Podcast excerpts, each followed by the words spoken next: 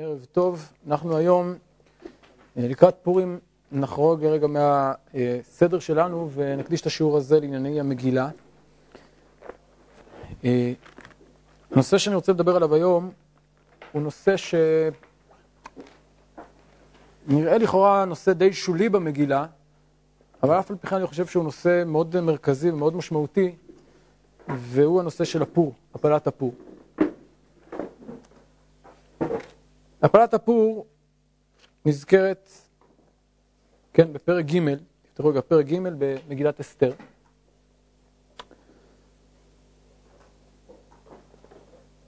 כידוע בפרק ג' המן כועס על מרדכי שלא משתחווה לו ומחליט להשמיד את כל היהודים ובשביל להשמיד את היהודים הוא נוקט איזושהי פעולה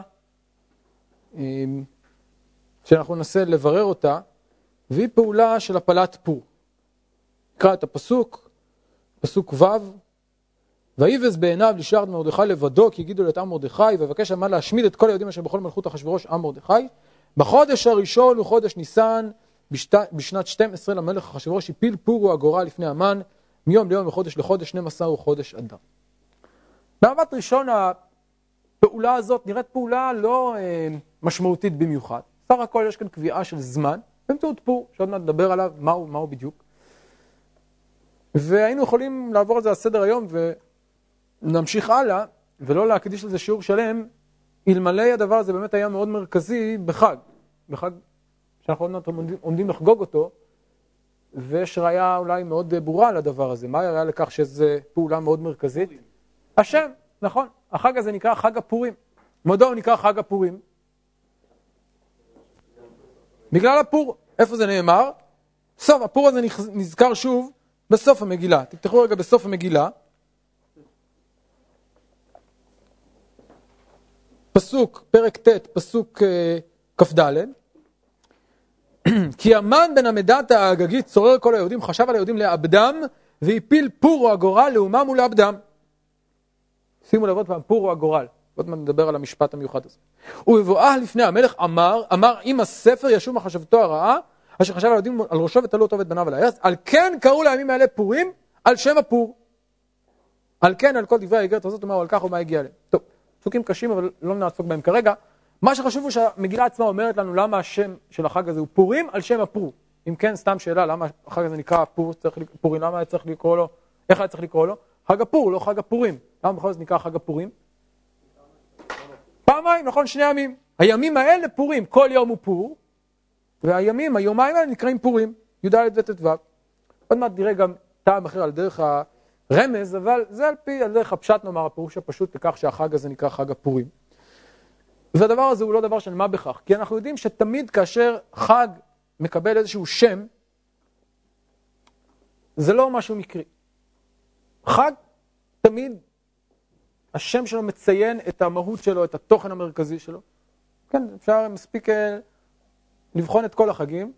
פסח נקרא פסח או חג המצות, כל שם מייצג פן אחר של החג, נכון? לא סתם שם לחג. כן? שבועות גם.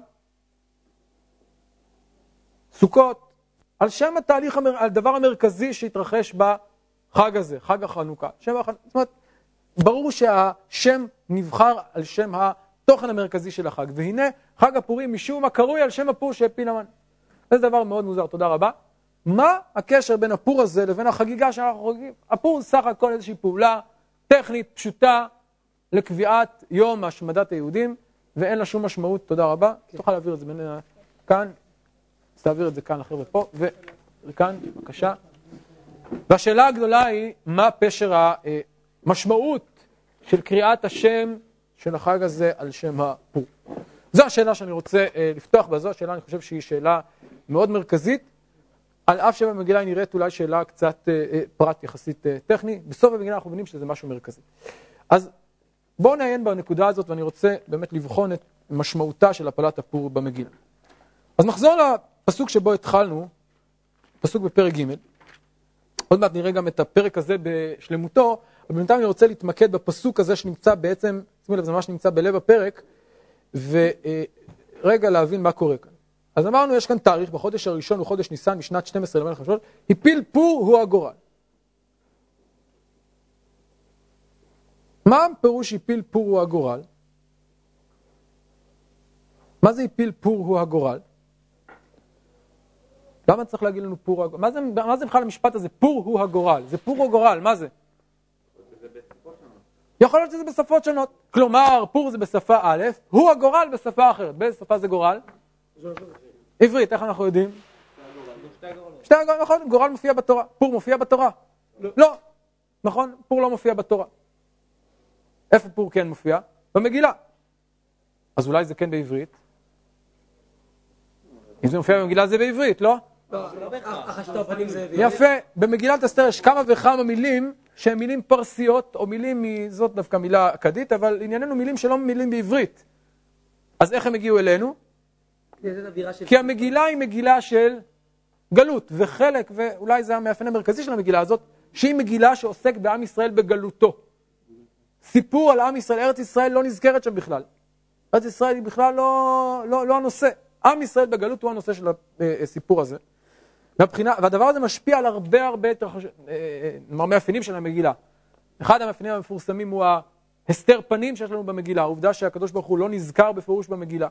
העובדה הזאת, ביחד עם עובדה אחרת, שגם התיאורים כאן הם תיאורים שלקוחים ממש מחצרות המלך אחשורוש, מעולם גוי, עולם שהוא לא יהודי.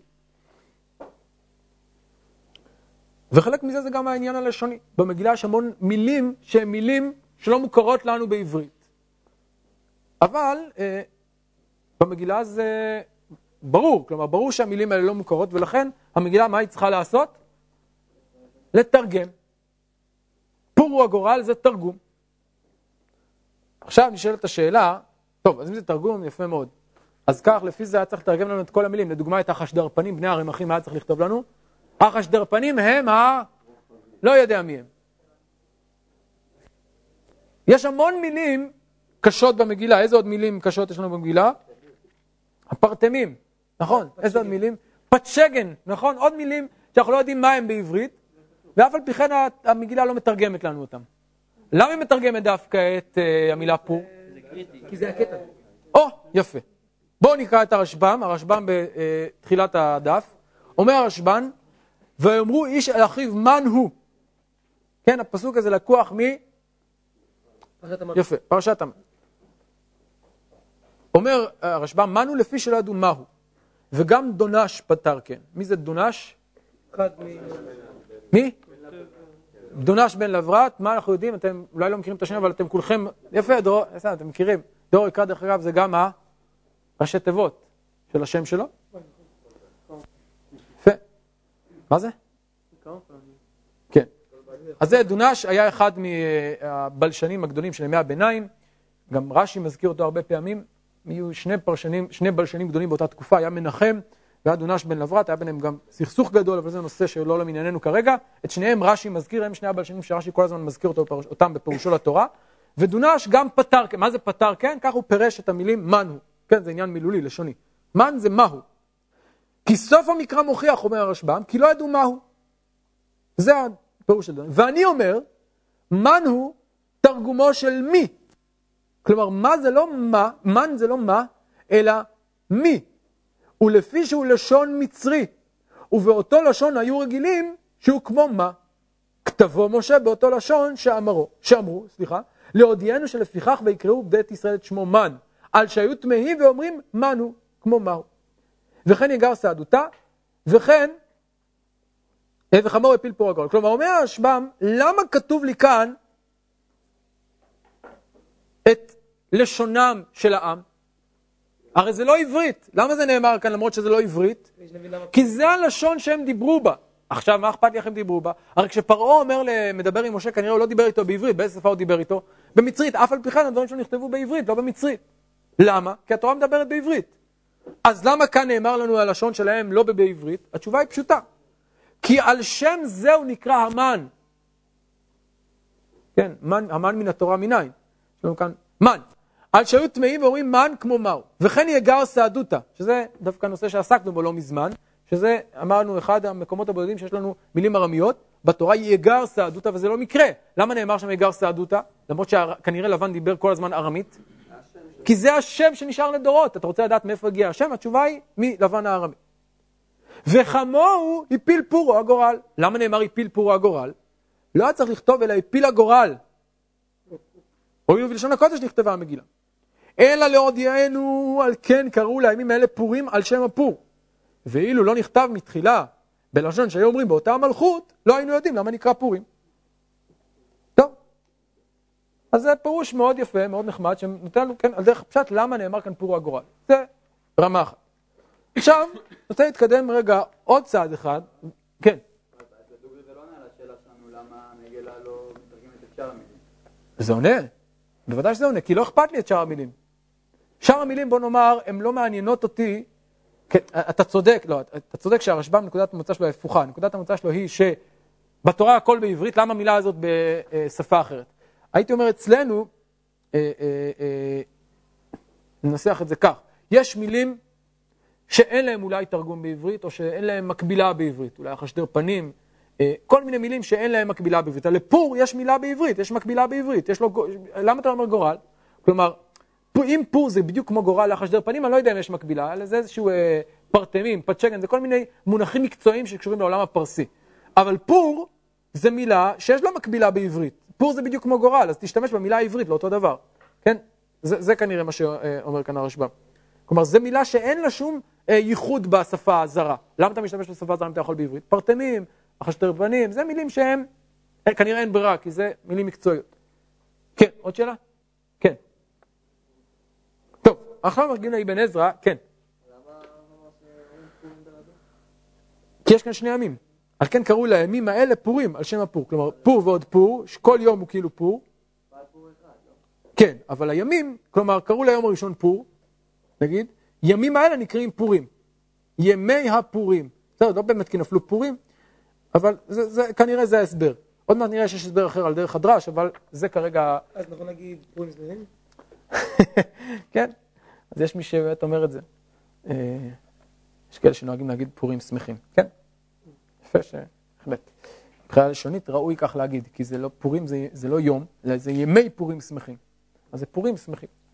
אז ביחד זה פור? יש מי שאומר ככה, אפילו בישיבה, ולא ניכנס לזה כרגע. טוב, אה, נמשיך הלאה. הפיל פור, מה? נגיד פור ביחיד. אה, אז זה כבר אמרתי, אף אחד לא אומר. אבל אם אתה אומר פורים, תגיד שמחים. אז אני נמצא בבעיה. טוב, אבן עזרא.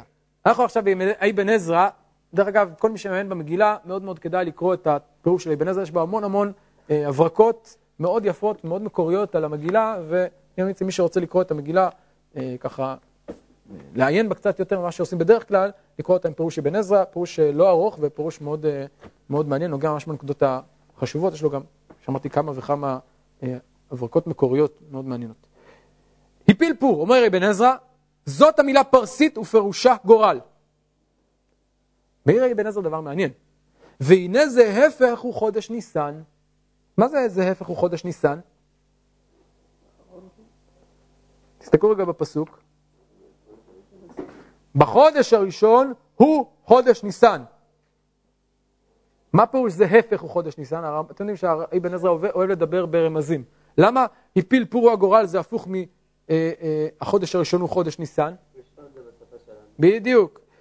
החודש הראשון הוא חודש ניסן, זה היפוך, זה היפוך מעברית ללועזית. ניסן באיזה שפה זה? שמות.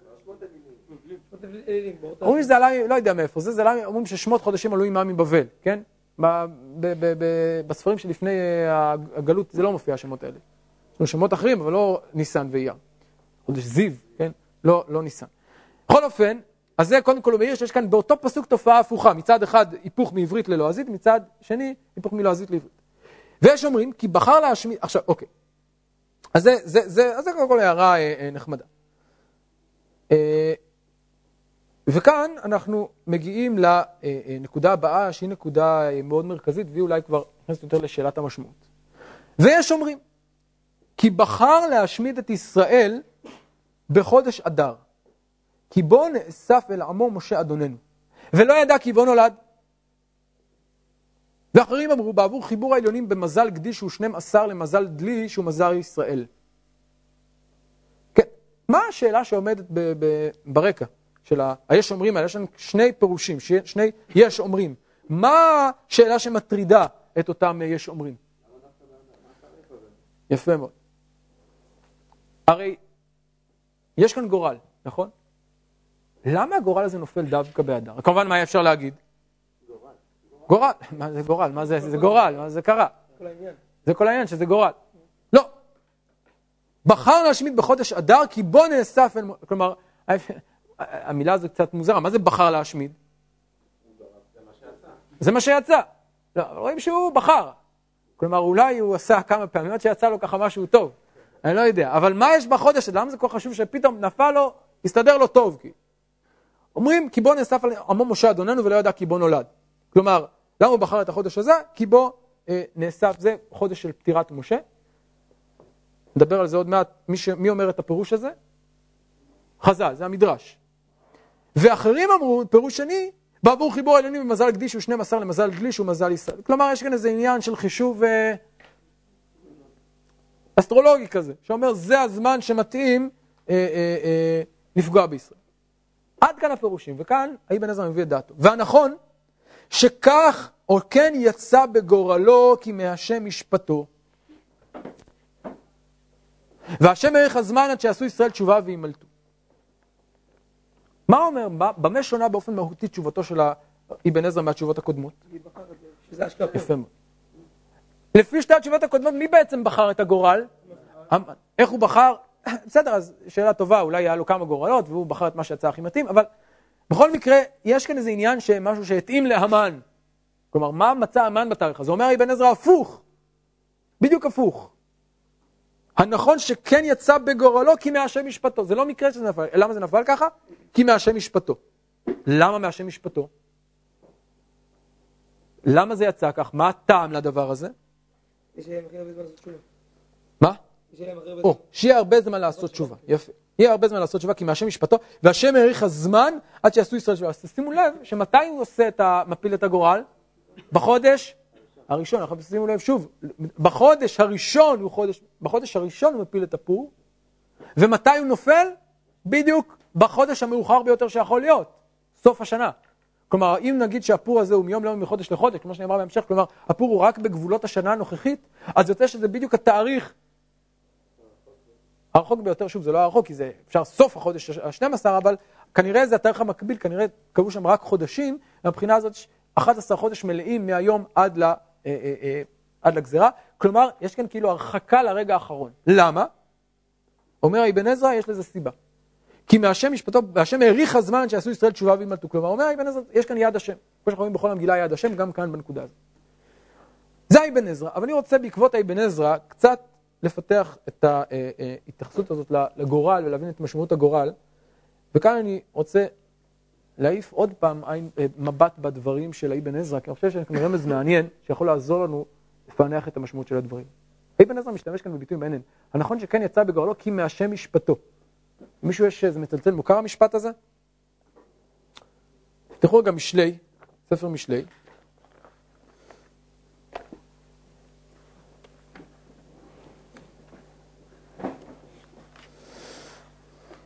ספר משלי פרק ט"ז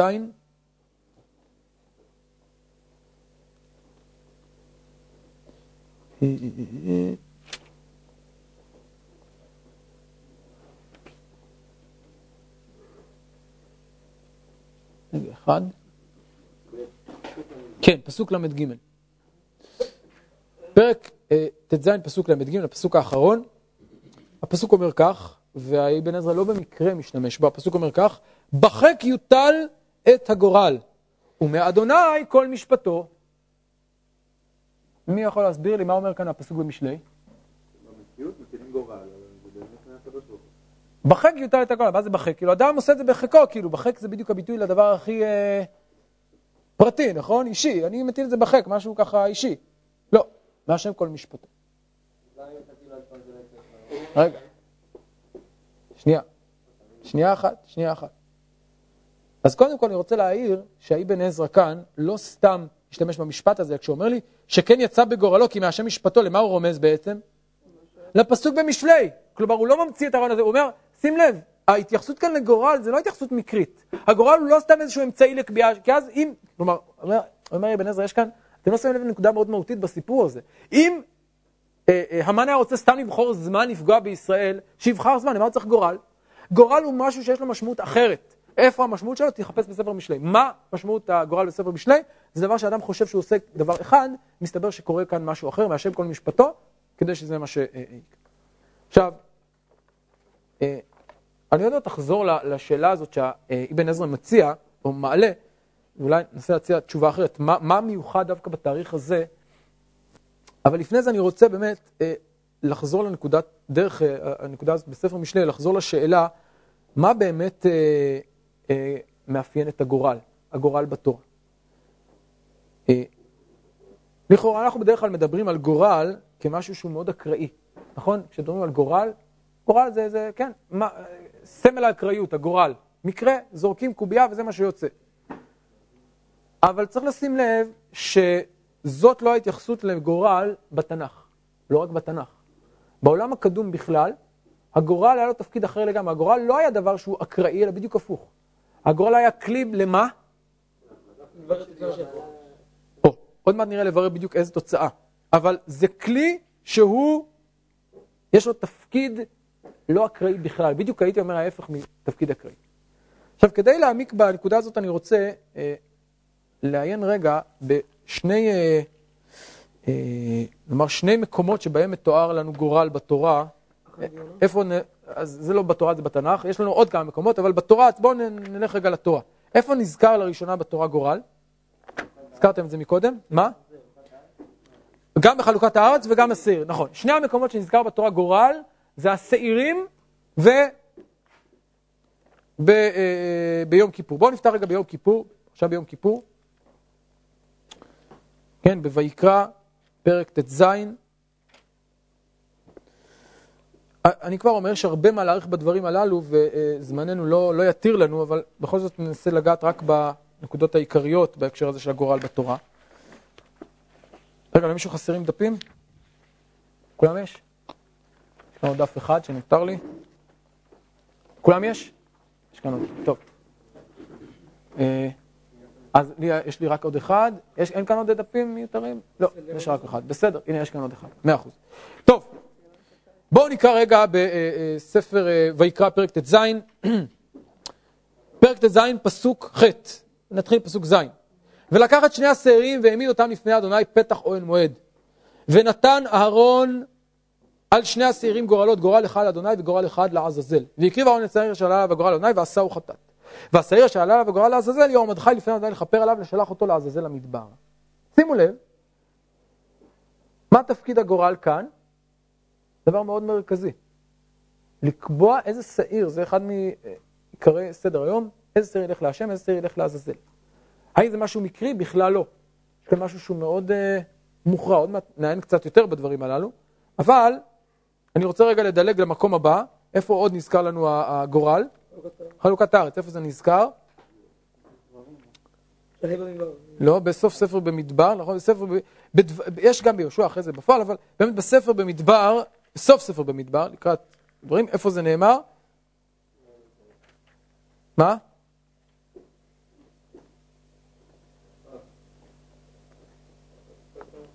חלוקת הארץ, איפה זה? כן. אז מי רוצה לקרוא לנו? איפה, איפה אמרתם?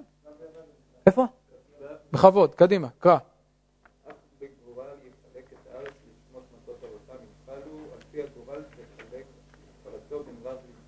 יפה. עכשיו,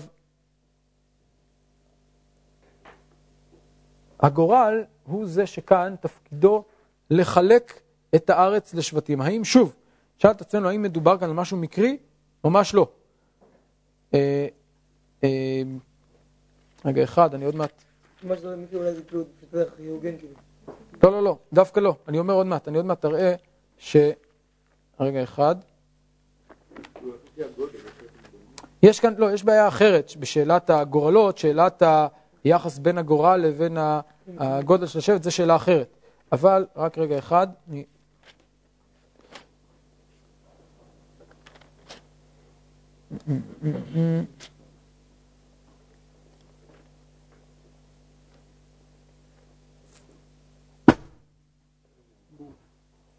כן.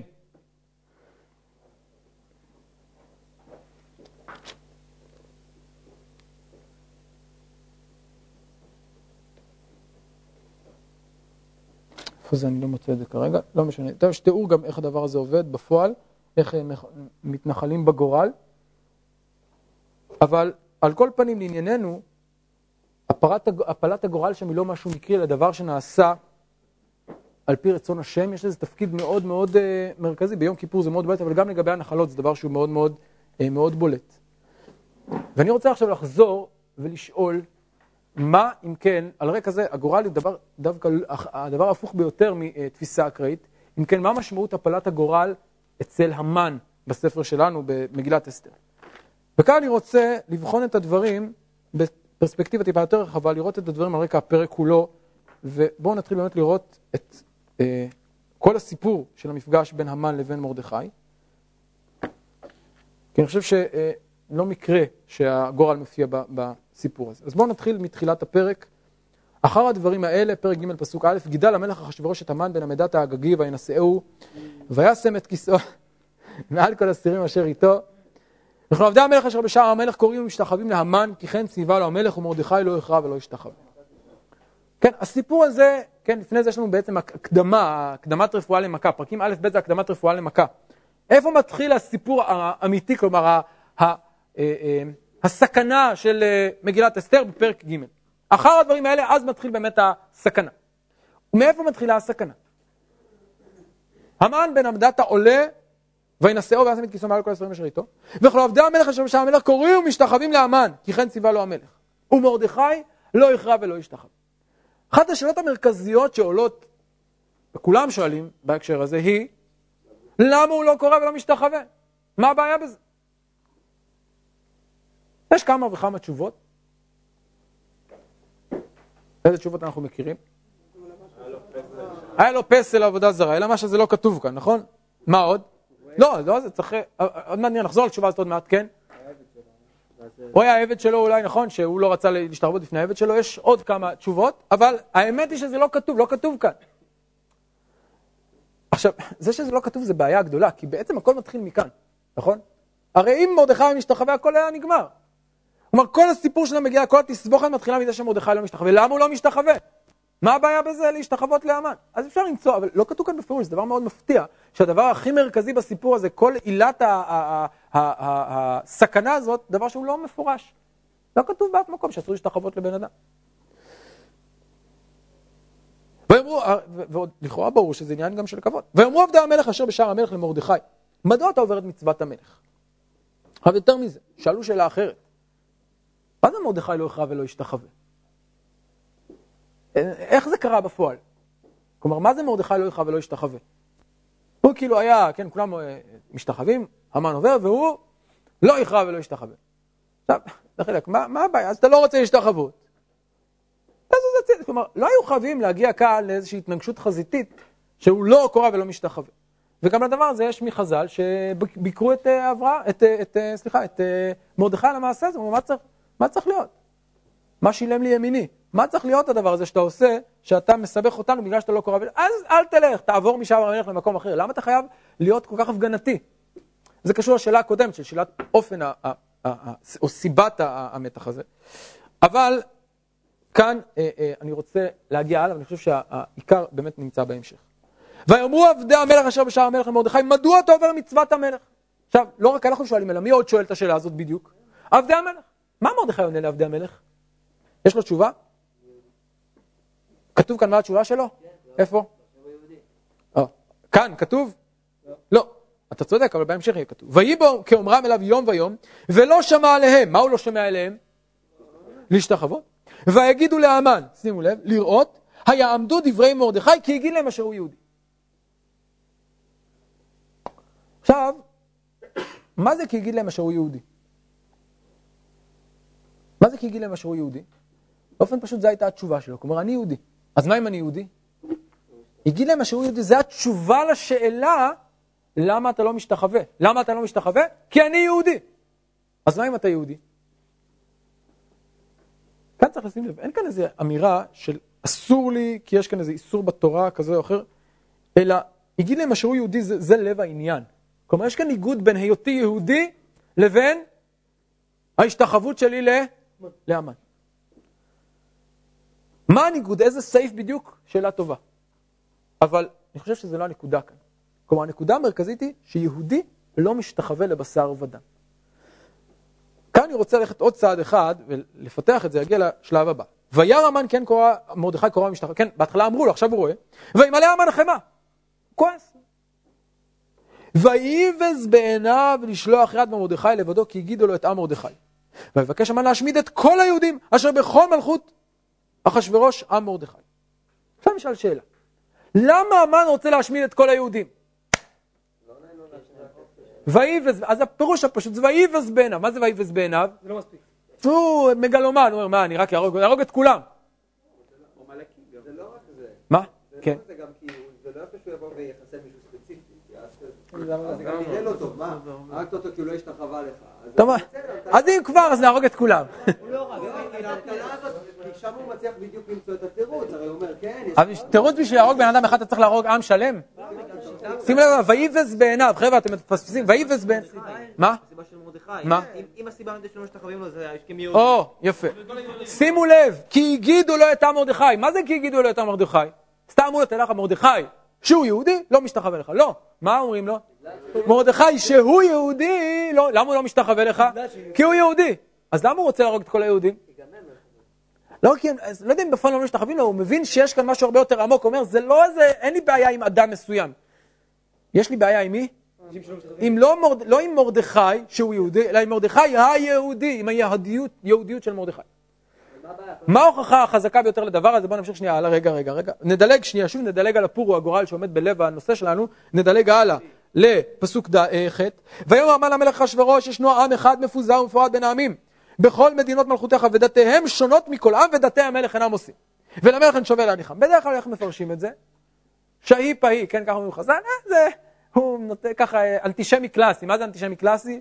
אומר, תשמע, החבר'ה האלה, הם כל הזמן מרמים, מעלים ממס, הם לא רציניים, כל הזמן עושים חופשים, בחופשים לא ממשלתיים, לוקחים לעצמם ימי חופש, אין לך, לא שווה, זה לא כלכלי להחזיק אותם. תהרוג אותם. קיצור, טענה אנטישמית קלאסית שבלולה מחצאי אמיתות עם אה, שקרים, זה אנטי, באמת, דרך אגב, אמרנו באמת האנטישמי הראשון, כן? האנטישמי הראשון. עמלק הוא לא בדיוק אנטישמי, אבל לא משנה כרגע. עמלק הוא אנטישמי, אה, לא, פרעה הוא גם לא אנטישמי. לא, לא, פרעה לא אומר משהו על זה שהיהודים הם כאלה וכאלה, גם עמלק לא אמר, היחיד, הראשון שאמר משהו, היהודים הם. זה, מה זה אנטישמיות? זה לא סתם להילחם בעם ישראל, כל עם נלחם בכל עם, יש, זה לא דבר יוצא דופן. אנטישמיות פירושה שנאת היהודים באשר הם יהודים. כלומר, אנטישמיות זו תופעה מיוחדת במינה, באמת אה, תופעה מדהימה, שלבשה צורה ופשטה צורה במשך אלפי שנים, אבל באופן בסיסי, ולכן קשה להגדיר אותה, אבל כאן זה שנאת יהודים באשר יהודים, ואמרנו האנטישמי הראשון, בלי ספק. מי? לא. למה הוא אנטישמי? הוא מאוים, הם עומדים, נק יישא את הארץ והוא יושב מולי. כלכוך השור את ירק השדה. אה, הוא מפחד. המן הוא אנטישמי במובן הזה שהוא שונא את היהודים באשר הם יהודים, הייתי אומר את התרבות היהודית כתרבות, לא את היהודים כ... כן. עכשיו, אז מבחינה הזאת, אני רוצה רגע לחזור לנקודה שלנו. למה אומר המן, אז אפשר להגיד שבאמת הוא סתם הוא אנטישמי קלאסי. קלאסי זה אומר זה ש... כן, זה דר שטירמר כזה, ממציא כל מיני המצאות על היהודים. היהודים יש להם אף ארוך, רוצים להשתלט על העולם וכולי וכולי. אבל אם נעיין יותר בדברים נראה שהטענה שלו היא לא מצוצה מהאצבע. מה בעצם הטענה של אה, אה, המן? ודתיהם שונות מכל עם, ודתי המלך אינם עושים. איך אני יודע שדתי המלך אינם עושים? שבת היום פסח היום? אולי, אבל מה, מה ההוכחה הפשוטה ביותר לזה? את דתי המלך אינם עושים. מה זה דתי המלך? אתה ציווית מה? שכולם ישתחוו לי. אתה שמת את כיסי מעל כל השרים, אתה ציוויתי שישתחוו לי, נכון? והנה, מה הם עושים? לא משת... אה, למה הם לא משתחווים? כי הם יהודים. מה? בדיוק. למה הם מזלזלים בך? כי יש, במילים אחרות, יש כאן איזה קונפליקט, עימות בין דת למדינה. מה יותר חשוב להם? הדת יותר חשובה מהמדינה. הדתות שלהם, דתי המלך גוברים על דתי המדינה. וזה בדיוק הבעיה שיש להם. למה דווקא שהם לא משתחווים? לא זה הדוגמה. לא, לא אמרנו לפני. זה שהם כן משתחווים, אבל הם כאילו עדיין יש להם איזה צד כאילו... מרדכי הוא היחיד ש... לא, לא, לא, כי מרדכי נמצא בשער המלך. אבל המן כאן מסיק מסקנה, ואני חושב שמהבחינה הזאת, דרך אגב, הרבה פעמים האנטישמים רואים טוב יותר מכולם את הייחוד של היהודים, כמובן, באור אחר. אבל הם מזהים, הרבה פעמים לאנטישמים הגדולים ביותר יש את היכולת לזהות את הנקודות הכי אה, אה, עמוקות אצל היהודים. להבדיל, לא להבדיל בעצם, אצל היטלר, יימח שמו, גם אפשר לראות אותו דבר, הוא לא היה אנטישמי, אה, אה, אה, נאמר, שרק המציא שקרים על היהודים, הוא באמת זיהה, הוא גם המציא שקרים, אבל הוא גם זיהה נקודות אמיתיות אצל היהודים שנגדם הוא רצה להילחם. היחס של היהודים לטבע ועוד ועוד, ויש כלומר, נכון, השאלה של המוסר מול הטבע, ודבר מאוד מרתק לעסוק בו כשלעצמו, אבל אני חושב שהמן כאן נוגע בנקודה מאוד אמיתית, מאוד נכונה. דתיהם שונות מכולם. למה דתיהם שונות? למה אין דתי המלך הנוסעים? כי דתיהם שונות. כלומר, הוא עומד על זה שיש כאן הבדל מהותי. כלומר, מהבחינה הזאת, אם נגיד מרדכי לא היה משתחווה, לא היה, אה, אה, אה, היה כן משתחווה, לא היה ככה מתריס, בסדר, אז היינו עוברים את זה איכשהו. אבל בסופו של דבר, המן עומד כאן על נקודה מאוד עמוקה, שאי אפשר בסוף להתקרב. יש כאן פער עמוק בין עולמו האלילי של המן לבין דתיהם של היהודים. מרדכי, הייתי אומר, רק הוציא את ההבדל הזה מהכוח אל הפועל. ומבחינה הזאת, הסיפור של המגילה הוא לא סיפור של מאבק אגו בין אדם לאדם, אלא סיפור של מאבק בין שתי תרבויות, בין שני עולמות, בין שני דתות, שתי דתות. וכאן אני רוצה לחזור לנושא שלנו, כן. כן. מה זאת אומרת? למה? כי הוא זה שלא משתחווה. לא יודע מה עם השער, השער לא היו בשער המלך, מרדכי יושב בשער המלך. השאר, נגיד, לא מספיק, הם אה, מפחדים, לא מספיק עומדים אה, בגאון. בסדר, מרדכי הוא לא, לא, לא, לא... לא... לא יודע, לא כתוב לי באף מקום, שמיע, שמיע, לא כתוב לי באף מקום, אני לא יודע מי נמצא עוד בשער המלך. מה שחשוב לי שזה שמרדכי לא קורע, זה בגלל שהוא יהודי. כלומר, היהדות באופן בסיסי, וזה נכון, וזו הנקודה שאני חושב שצריך להדגיש אותה, זה נכון. היהדות, זה שיש איזה יהודי שלא יעשה את זה כי הוא מפחד, זה עניין אחר. אבל יהודי אמיתי, ומרדכי כאן מייצג את היהדות האמיתית, לא קורע באשר הוא יהודי. יש כאן ניגוד בין היהדות לבין ה... כן. אה, אה, בואו נתקדם כי זמננו קצר, אז עוד שאלה אחת. כן. שאלה. הלשון ויבז מופיע רק עוד פעם אחת בתורה אצל עשיו, שהוא בז את הבכורה. אה. אז הנה, אנחנו עוד פעם קושרים את... הברכה של הבכורה היא בעצם השתחוו לך עמים. אז באיזשהו מקום יש פה קונפליקט כאילו של הנאשק שבא והפסיד את הברכה הזאת, ואז ויסתום את הבכורה. מעניין. טוב, מעניין, זה קשור גם למה שדיברנו בשיעור הקודם, להשתחוויה. רעיון מעניין, לא חושב, אין עוד ויבז בתנ"ך? לא, בדקת? פרויקט השו"ת. פרויקט השו"ת. אנחנו לא משתחווים, לא מתווכחים. בסדר, רעיון מעניין, גם באמת עשיו, באמת הקונפליקט בין עשיו ליעקב מזכיר בכמה מובנים את הקונפליקט בין המן למרדכי. אני רוצה להתקדם טיפה. אני רוצה רגע להתקדם ול, ל, אה, ולחזור לנקודה שבה פתחנו את שאלת הגורל. הגורל, הסיפור של הגורל נמצא בדיוק בלב הפרק שלנו, בין המאבק בין מרדכי לבין המן, לבין דברי המן למלך, שבדיוק מדברים על הנושא הזה. באמצע יש לנו את הגורל. האם הגורל הוא מקרי? לא. הגורל לא... אמרנו שהגורל הוא משהו מאוד מאוד אה, אה, משמעותי וכאן אני רוצה לחזור ולשאול מה משמעות הגורל בהקשר שלנו. למה המן מפיל פור הגורל?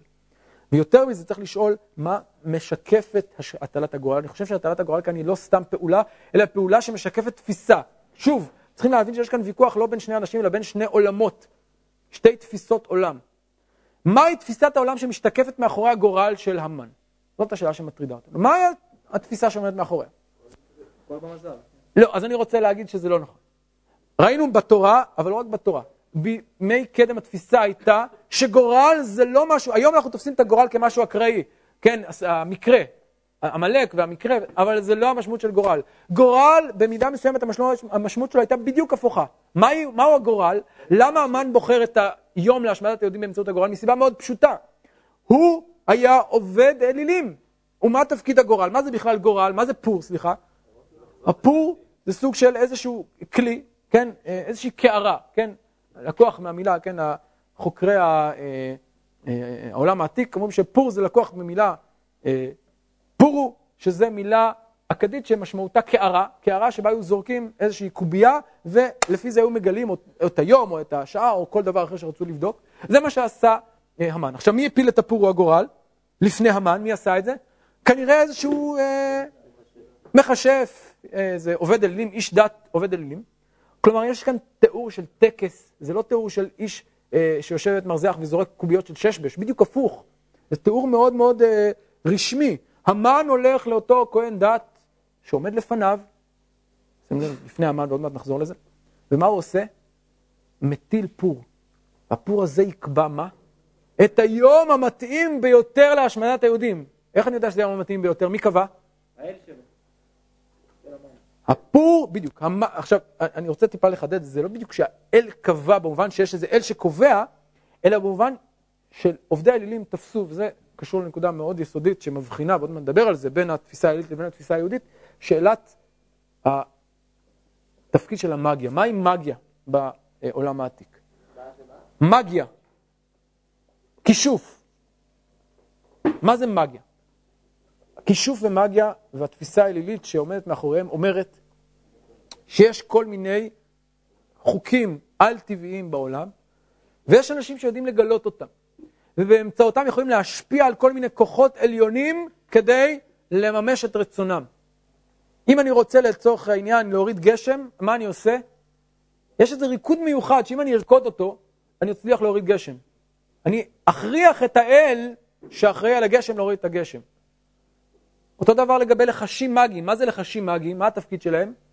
זה איזושהי תפיסה שאומרת שאם אני אלחש לחש מסוים בדרך מסוימת, במספר מסוים של פעמים, אני אדע את הקוד הנכון, קוד ההפעלה הנכון, מה אני אעשה? אני אצליח להפעיל את העולם, להפעיל את האלים, להפעיל את המציאות בכוח אה, אה, הכללים הללו. יותר מזה, יש לנו גם כלים שמאפשרים לי לחזות את העתיד, וזה בדיוק מה שהתורה בספר דברים אומרת לי בספר דברים פרק י"ח. כשהתורה מנגידה בין הנביא לבין המכשף, מה היא אומרת? מה הם, יש מכשפים ומאוננים, מה הם עושים? כשעובדי אלילים רוצים לדעת מה יהיה בעתיד, מה הם עושים? פונים למי? עובדי אלילים. מה הם עובדי אלילים? לאותם מכשפים, מה הם אה, בעלי מקצוע, שמה תפקידם? תפקידם הוא לזהות את הזמן המתאים ביותר לכל מיני דברים. אומרת לנו התורה, לא, תמיד תהיה עם השם אלוהיך. אין דבר כזה. אתה לא משתמש בכלים האלה, זה לא בשבילך. זה כלים שנועדו לחתור, כביכול, תחת אה, ריבונו של עולם, או ריבוניו של עולם לפי תפיסתם, ולחלוב מידע כביכול בניגוד לרצונם, או, או באופן אה, הכרחי.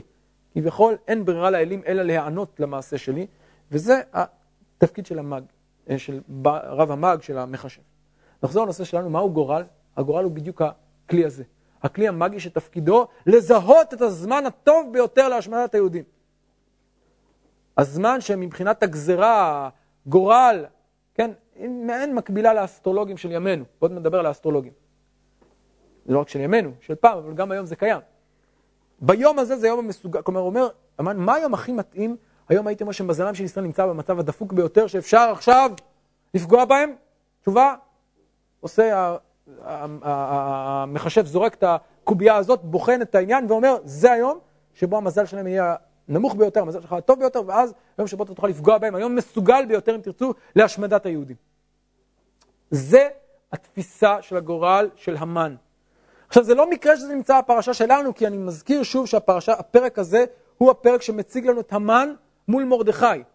תפיסתו של המן מול תפיסת מרדכי. ואם נשאל את עצמנו, מה עומד מול תפיסתו של המן? מהי תפיסת הגורל בתורה? אז ראינו שיש לנו שני מקומות שבהם מתואר הגורל. מקום אחד זה בספר ויקרא בפרשת ה, אה, אה, יום הכיפורים, נכון? רמות. מקום שני זה לגבי הגורלות. עכשיו, נשאל את עצמנו, האם הגורל של עם ישראל דומה לגורל של הגויים? קודם כל, ברור לנו שלא. למה ברור שלא? קודם כל, לפני שניכנס... מה זה? לא משנה, לא עזב כרגע, כרגע בפועל, מבחינת התפיסה. תפיסה דתית זה לא יכול להיות. למה זה לא יכול להיות? כי התפיסה הדתית היהודית אומרת, אין דבר כזה. אתה, אין מזל לישראל במובן הזה שאתה לא יכול, אין דבר כזה, זה גזרה קדומה כזאת שאי אפשר להתווכח איתה.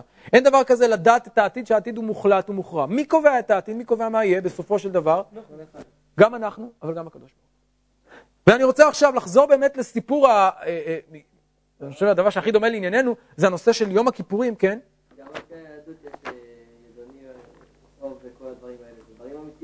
רגע, עוד מעט נגיע לזה, עוד מעט נגיע לזה, אמירה נכונה, עוד מעט נגיע אליה. שנייה במחלוקת, לא נכונה, שנייה במחלוקת.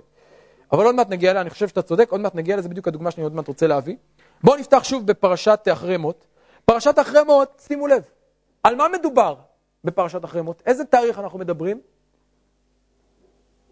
יום כיפור. יום הדין. היום שבו מוכרע גורל של העם. הוא קרוב מאוד לראש השנה, נכון? זה תחילת השנה. מהו ראש השנה שלנו? באחד בתשרי. שימו לב שהשנה נחלקת לשני חלקים. יש לנו שני ראשי שנים, ארבעה ראשי שנים, אבל שניים עיקריים, אחד בניסן ואחד בתשרי. מתי גורלו של המן נופל? בניסן. מתי הגורל שלנו נופל? בתשרי. קודם כל יש כאן קשר מעניין בין השניים.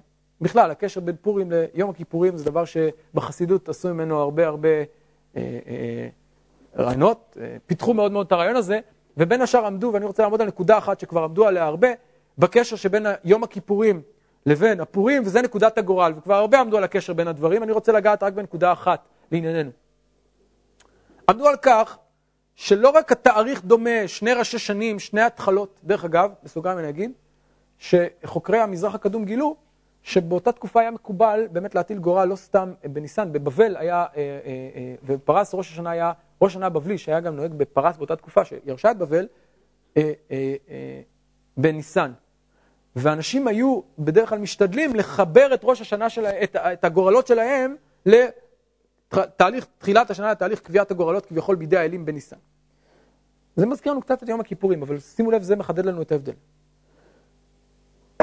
גם בניסן וגם בתשרי יש לנו כאן שתי, הטלות גורל, אבל יש הבדל מהותי ביניהם. אולי לפני זה נדבר על עוד קשר שגם עליו עמדו, התמונה גם מאוד מאוד מעניינת. התמונה כאן שלנו, מהי?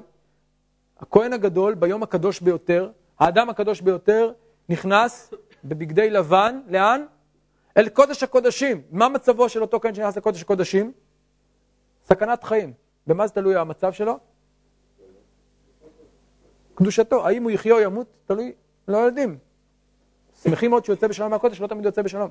כלומר, רגע מאוד מאוד גורלי, מאוד מכריע, שאלת כניסת הכהן, ובמידה מסוימת כל מה שקורה מסביב, כל מה שקורה לעם, תלוי ברגע הזה שהאדם הקדוש ביותר, ברגע הקדוש ביותר, במקום הקדוש ביותר, נפגש עם הקדוש ברוך הוא, כלומר, מפגש שלושת הקדושות הללו ביום כיפור, הוא נקודה מאוד מאוד מכריעה.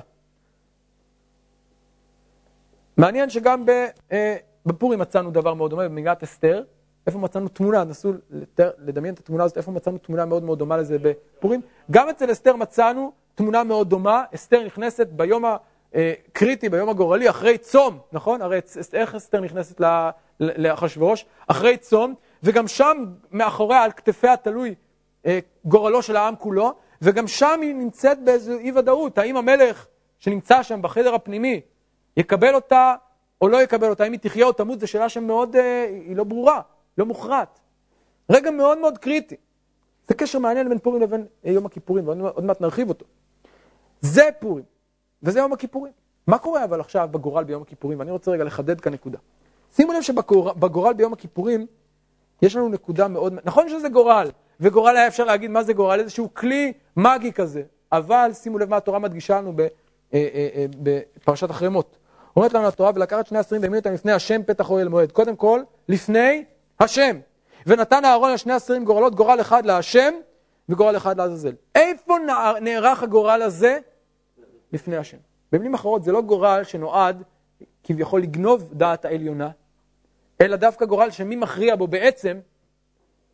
הקדוש ברוך הוא. כביכול הגורל מגלה את רצונו של מי? של הקדוש ברוך הוא. זה לא משהו שאנחנו מנסים להערים, כמו שעושים עובדי האלילים, מנסים להערים, לגלות את רצונו, כביכול בניגוד לרצונו, אלא זה בדיוק האופן שבו הקדוש ברוך הוא מצווה אותנו להעמיד לפני השם ולגלות. נחזור רגע לסיפור שלנו, למגילת אסתר. מה קורה במגילת אסתר? בואו נחזור לתיאור של הטלת הגורלות במגילת אסתר ונראה דבר מעניין. מה מתואר במגילת אסתר? איזה אה, אה, אה, הטלת גורל נזכרת במגילת אסתר?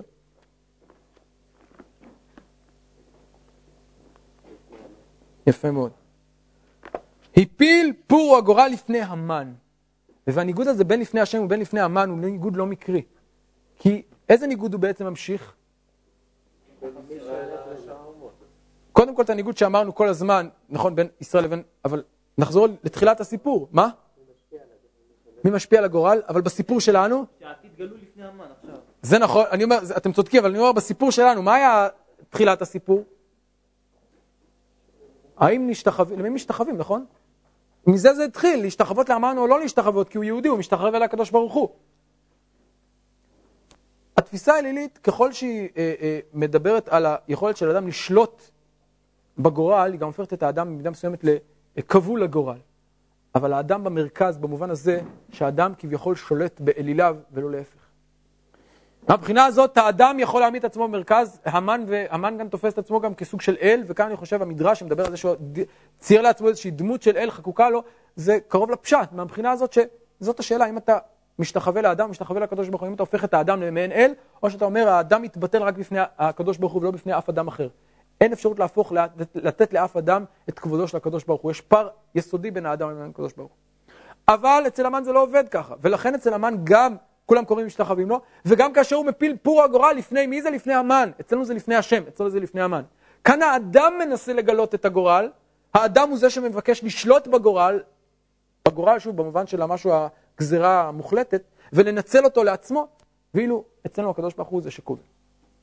עכשיו בואו נחדד את זה עוד יותר. מה ההבדל, ה...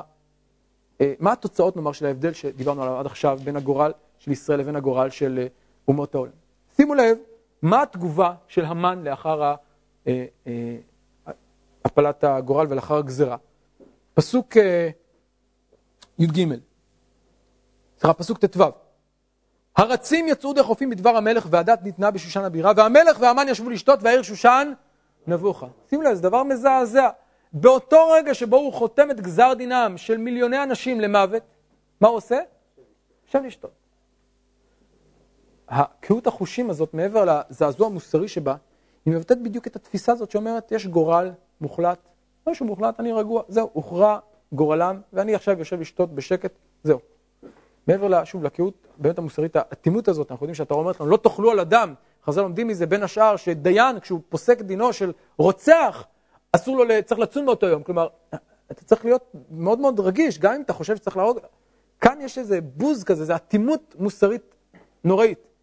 נשווה את זה לגורל שלנו. מה קורה בגורל של עם ישראל ביום כיפור? מה קורה באותו זמן? צום. הכהן נכנס כשהוא צם. יותר מזה. מה קורה לעם ישראל אצלנו במגילה? שימו לב שהמגילה מלאה במשתאות. מלאה במשתאות, אבל אצל ישראל אין משתה. מה יש? יש צום. למה יש צום? מיד לאחר מכן מרדכי יצא לקשור שלהן שא ויקרע מרדכי את בגדיו וילבש שק ואפר. למה יש צום אצל ישראל? קודם כל כי צריך לקרוע, כי, כי, כי יש אבל, יש מצ, מצב קשה, יש סכנה גדולה, אבל יותר מזה, יש כאן תפיסה מהותית שניצבת מאחורי זה. השתייה משקפת תפיסה מסוימת, והצום משקף משהו אחר. מה משקפת השתייה? השתייה משקפת את הביטחון העצמי הזה בגזרה שהיא קבועה ועומדת מראש. היא לא יכולה להשתנות. הצום, מה הוא משקף? בדיוק את התפיסה ההפוכה. אין גזירה, אין גזירה מוחלטת מראש. אין דבר כזה גורל קבוע ומוחלט. כל גורל יכול להשתנות. איך הוא ישתנה? על ידי הצום. אם אסתר תיכנס במסירות נפש, מתוך צום, מתוך תפילה, יש סיכוי לתיקון, יש סיכוי לקריאת גזר הדין. יש סיכוי לביטול הגזירה, ביטול הגורל הזה. כי הגורל כאן נפל לפני המן. אבל הקדוש ברוך הוא בסופו של דבר זה שמכריע את המאבק. לא כמו שסוברים עובדי אלילים, שהגזרה, כן, עובדי אלילים סבורים שהגזרה היא מעל האלילים בעצמם, האלילים עצמם כפופים לגזרה, לאותו גזרה קדומה, לאותו גורל קבוע מראש. אבל אנחנו לא מאמינים בזה. וזה אולי תמצית המתח כאן בין שתי התפיסות שבא לידי ביטוי במתח בין המשתה לבין הצום, אם תרצו בין הגורל של יום הכיפורים לבין הגורל של המן. ואני רוצה עכשיו להמשיך עוד רגע אחד, עוד שלב אחד, ו... אה, אה,